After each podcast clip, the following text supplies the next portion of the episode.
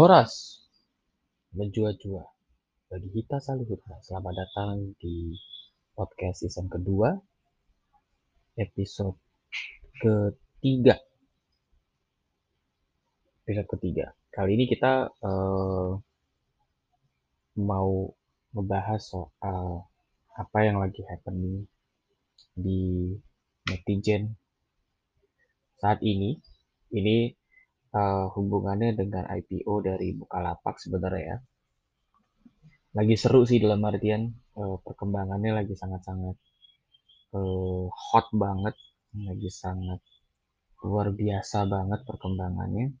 Terakhir itu kan uh, mereka IPO, terus mereka berhasil menarik investor kalau nggak salah ya mungkin banyak banget nih sekitar 9 ribuan atau lebih gitu investor yang mau mau menginvestasikan uh, sahamnya di Bukalapak termasuk gua.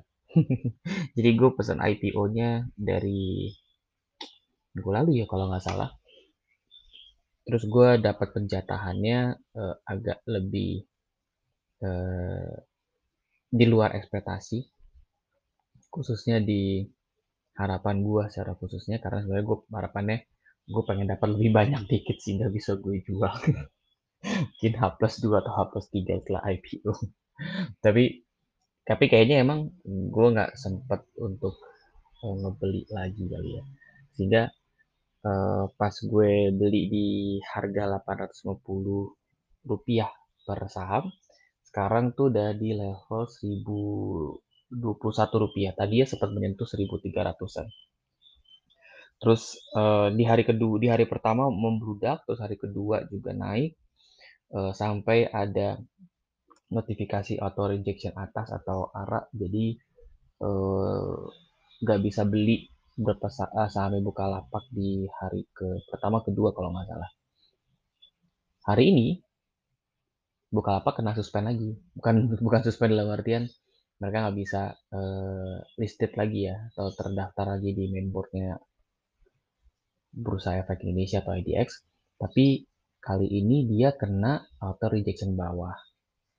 Jadi eh, terhold dulu penjualan dari saham Bukalapak dari investor. Jadi untuk menjaga momentum eh, price harganya sebenarnya. Kalau teman-teman ingat tuh kayak misalkan tahun lalu tuh sempat perdagangan di hold pada saat pandemi gara-gara lagi turunnya parah-parah banget tuh eh, IDX sehingga nggak sempat untuk eh, rebound berapa kali terkasih perintah untuk untuk untuk melakukan uh, holding hold itu ya. Nah sekarang tuh mungkin kalau bahas sederhananya mungkin nggak tahu ya mungkin menurut gue itu mungkin dikatakan hal yang sama juga tapi untuk satu emiten atau satu perusahaan yang terdaftar. Kenapa sih itu terjadi?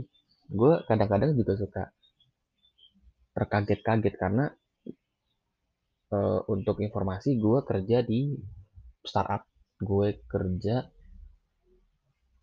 di dunia yang sebetulnya Bukalapak adalah terdepan gitu di uh, kelompok usahanya. Bukalapak termasuk unicorn bahkan uh, dia kan unicorn yang ditetapkan tahun 2016 atau 17 17 kalau nggak salah. Uh, jadi kayak dulu tuh kayak ada semacam top 4, the big four asik. Ada Gojek, ada Bukalapak, ada oh sorry valuasinya ya Gojek, Tokopedia, Traveloka, Bukalapak. Sekarang kalau nggak salah ada 6 ya. Eh ada siapa? Nambah nambah berapa lagi ya? Blibli uh, sekarang terbaru aku laku apa? Salah satunya pokoknya ada fintech akhirnya deh, ada yang ada yang uh, unicorn. Blibli Blibli baru-baru ini juga ditetapkan sebagai unicorn. Uh, unicorn itu adalah perusahaan yang valuasinya lebih dari 1 billion dollar atau triliun dolar. Uh, sekarang tuh posisinya Bukalapak belum tahu ini lagi lagi rehat uh, trading IDX. Tapi sebenarnya gue pengen ngeliat dari sisi uh, di mana gue sehari-hari kerja itu sebagai uh, policy making, seorang legal atau mungkin dan mungkin juga seorang pemerhati uh, good corporate governance. Um, gue nggak tahu sebetulnya rumor berkembang saat ini adalah Bukalapak tuh katanya pakai buzzer untuk naikin harga and so on and so on uh, sehingga attract banyak uh, investor Tapi kalau gue agak coba melihat uh, take a step back dan ngelihat kenapa uh, Bukalapak akhirnya mau IPO. Gue nggak pernah kerja di Bukalapak dan gue bukan buzzer Bukalapak. But I'll tell you, I'll tell you what I know from the, from the perspective dari uh, para founders di startup. Kalau misalkan kita ngelihat fase dari perusahaan itu kan pasti uh, ada yang awalnya tuh perusahaan yang di levelnya uh, awal, tahap awal. Uh, bahasanya mungkin kerennya kayak seed company gitu ya, berdasarkan jumlah uh, pendanaan yang dihimpun. Lalu setelah itu mungkin naik ke berkembang kalau berdasarkan ukurannya funding ya ada ada yang bilang kayak oh pre series A sebelum series A terus series A, A series A itu pendanaan yang dimulai dari 3 sampai 10 juta kalau nggak salah. Tapi itu sebenarnya bukan ukurannya pasti ya, tapi ukuran yang berkembang berdasarkan praktek. Lalu satu naik ke series B, series C, series D sampai ke uh, pendanaan yang seterusnya gitu. Nah, pendanaan yang dikumpulkan oleh startup itu ya pendanaan yang sifatnya investasi. Baik baik investasi langsung uh, yaitu si investornya beli sahamnya si perusahaan tersebut atau uh, dengan cara lain. Misalkan dia ngasih pinjaman dulu gitu. Ngasih pinjaman tapi ntar ada opsi untuk mengkonversinya ke saham yaitu juga lumrah terjadi. Dan hal itu menyebabkan sebetulnya kalau di pembukuan keuangan kan saham itu ada di posisi kanan. Jadi dalam artian dia sebenarnya ya liabilities gitu loh. Uh, sementara mungkin asetnya perusahaan teknologi mungkin nggak begitu besar. Instrumen aset di teknologi bisa varied gitu ya. Uh, some of the startup yang gue tahu itu membuat strategi untuk uh, engineer-nya mereka karyawan ya, tapi di posisi engineer dianggap sebagai aset.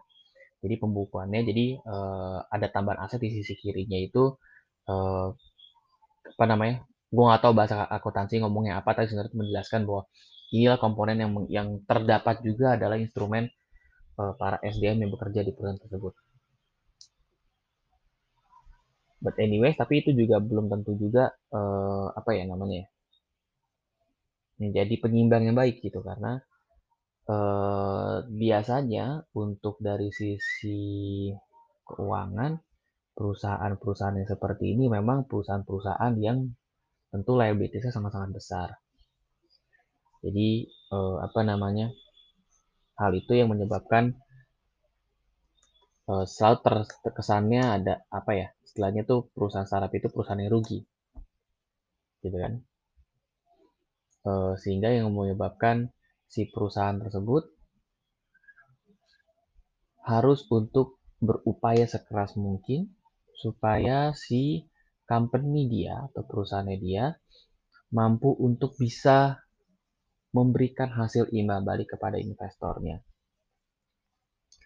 Berupa dividen, kalau dia udah beli langsung sahamnya, atau ya repayment atau pengembalian uang beserta bunganya yang disepakati oleh investor kalau dia ngasihnya bentuknya pinjaman.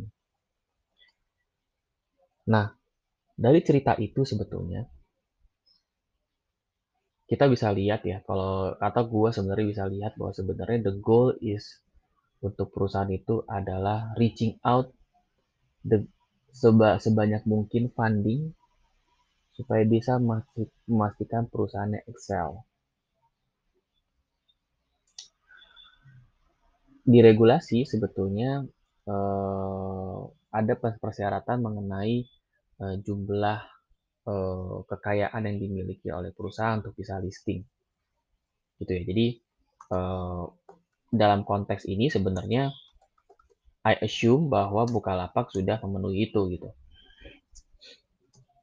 Tapi pertanyaannya adalah ketika liabilities lebih besar daripada aset, maka untuk mengcover liabilities maka ya asetnya bisa jadi uh, sarana untuk mengembalikan uh, utang quote and quote kepada mereka yang yang yang berhak gitu.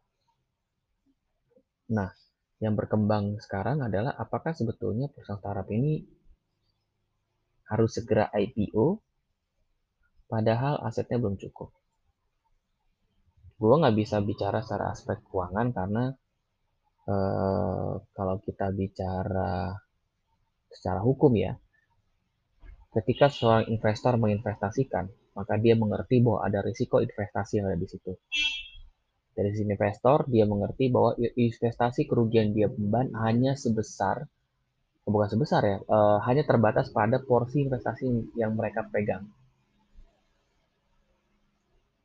Sementara di sisi perusahaan, kalau pemahaman gue, uh, perusahaan memiliki resiko dan itu harus dimitigasi bersama tanggung jawab perusahaan untuk memastikan bahwa operasional perusahaan bergerak dengan baik sehingga eh, para investor mendapatkan imbal hasil yang lebih baik.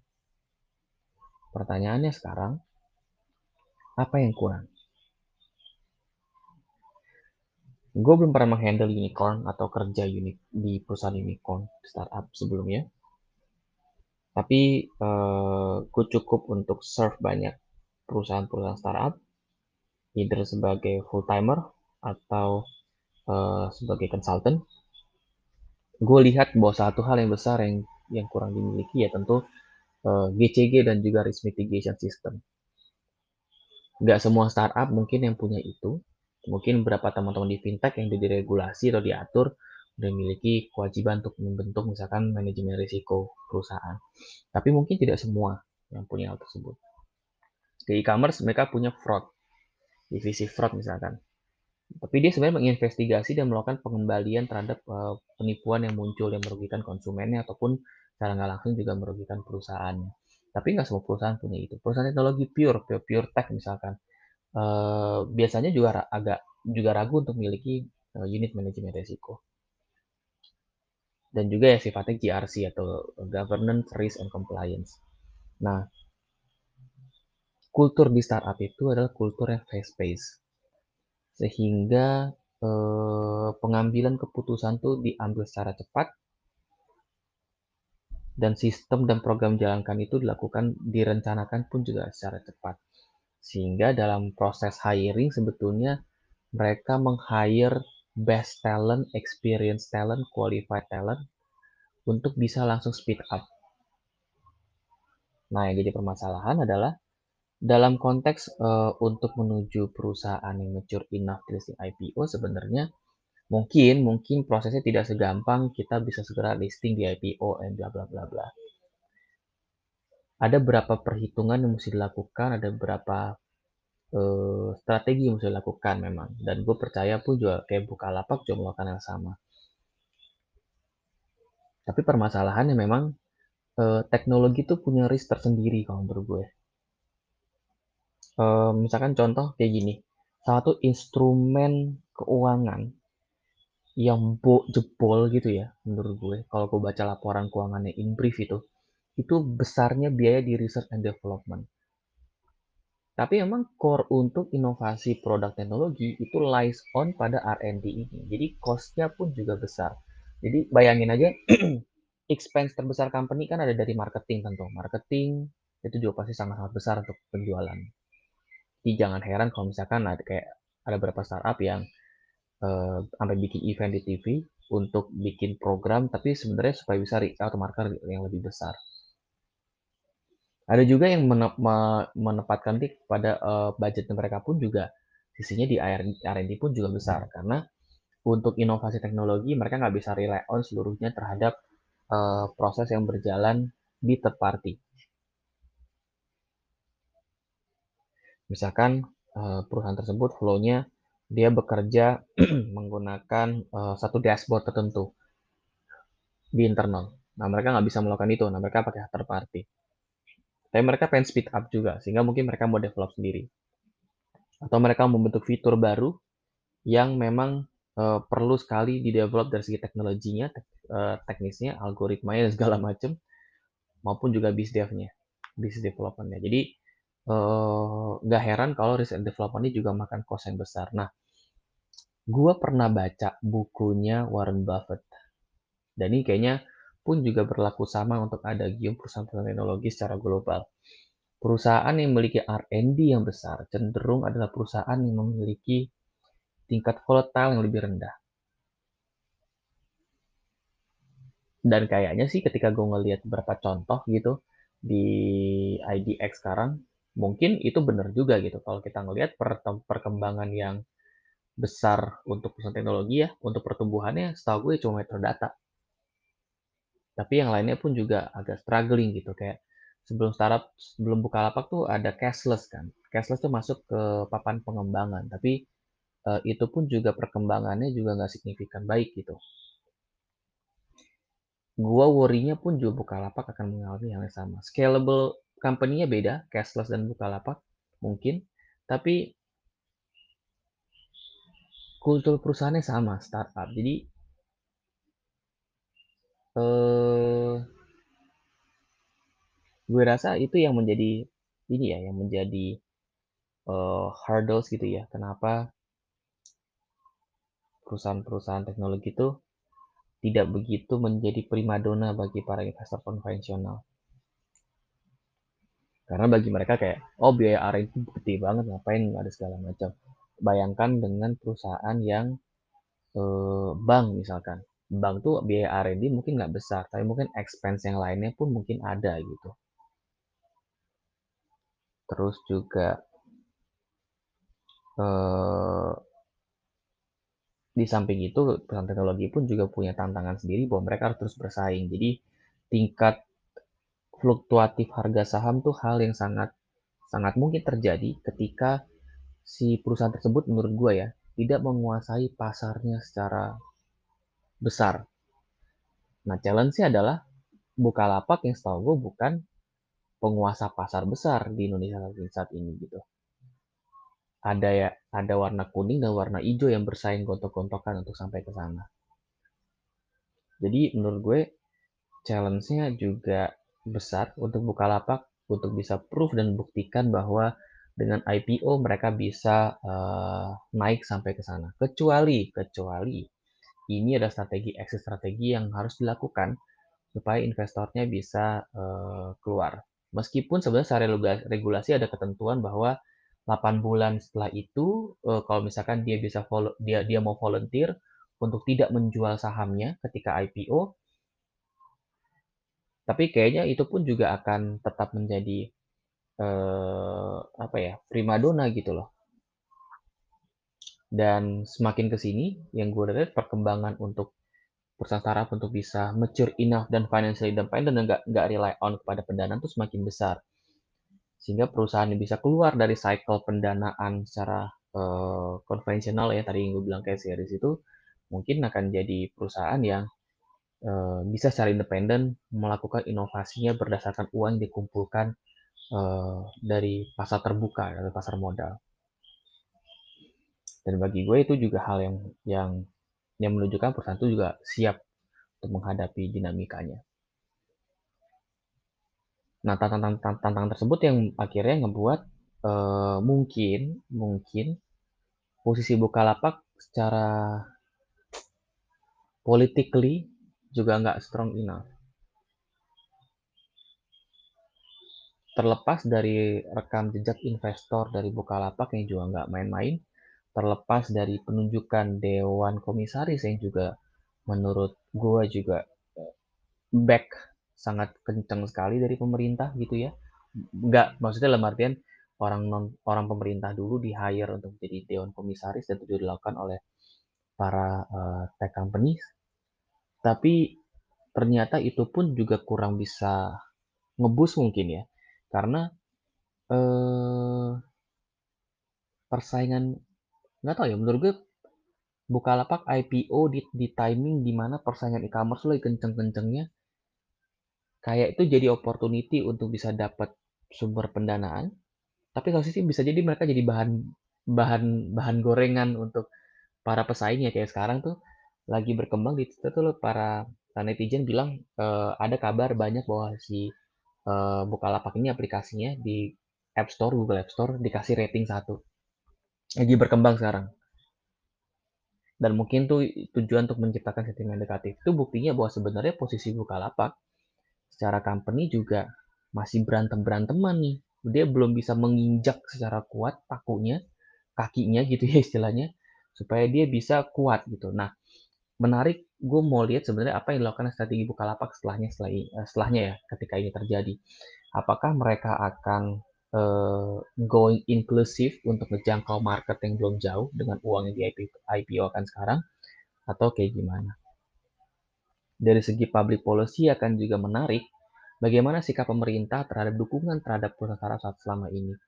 Uh, dan ini jadi pertaruhan juga bagi Bukalapak untuk bisa ya istilahnya yang menurut gue mewakili perusahaan startup yang ada di Indonesia untuk membuktikan bahwa startup juga perusahaan yang sustainable untuk bergerak Indonesia karena memang secara politikal dan juga uh, dukungan pemerintah mungkin dari sejak 2014 eh ya 14 15 ya sampai sekarang itu dukungan terhadap startup tuh besar banget gitu dan itu juga akhirnya membus banyak sekali startup yang muncul dan juga membus bagaimana banyak inovasi produk yang muncul.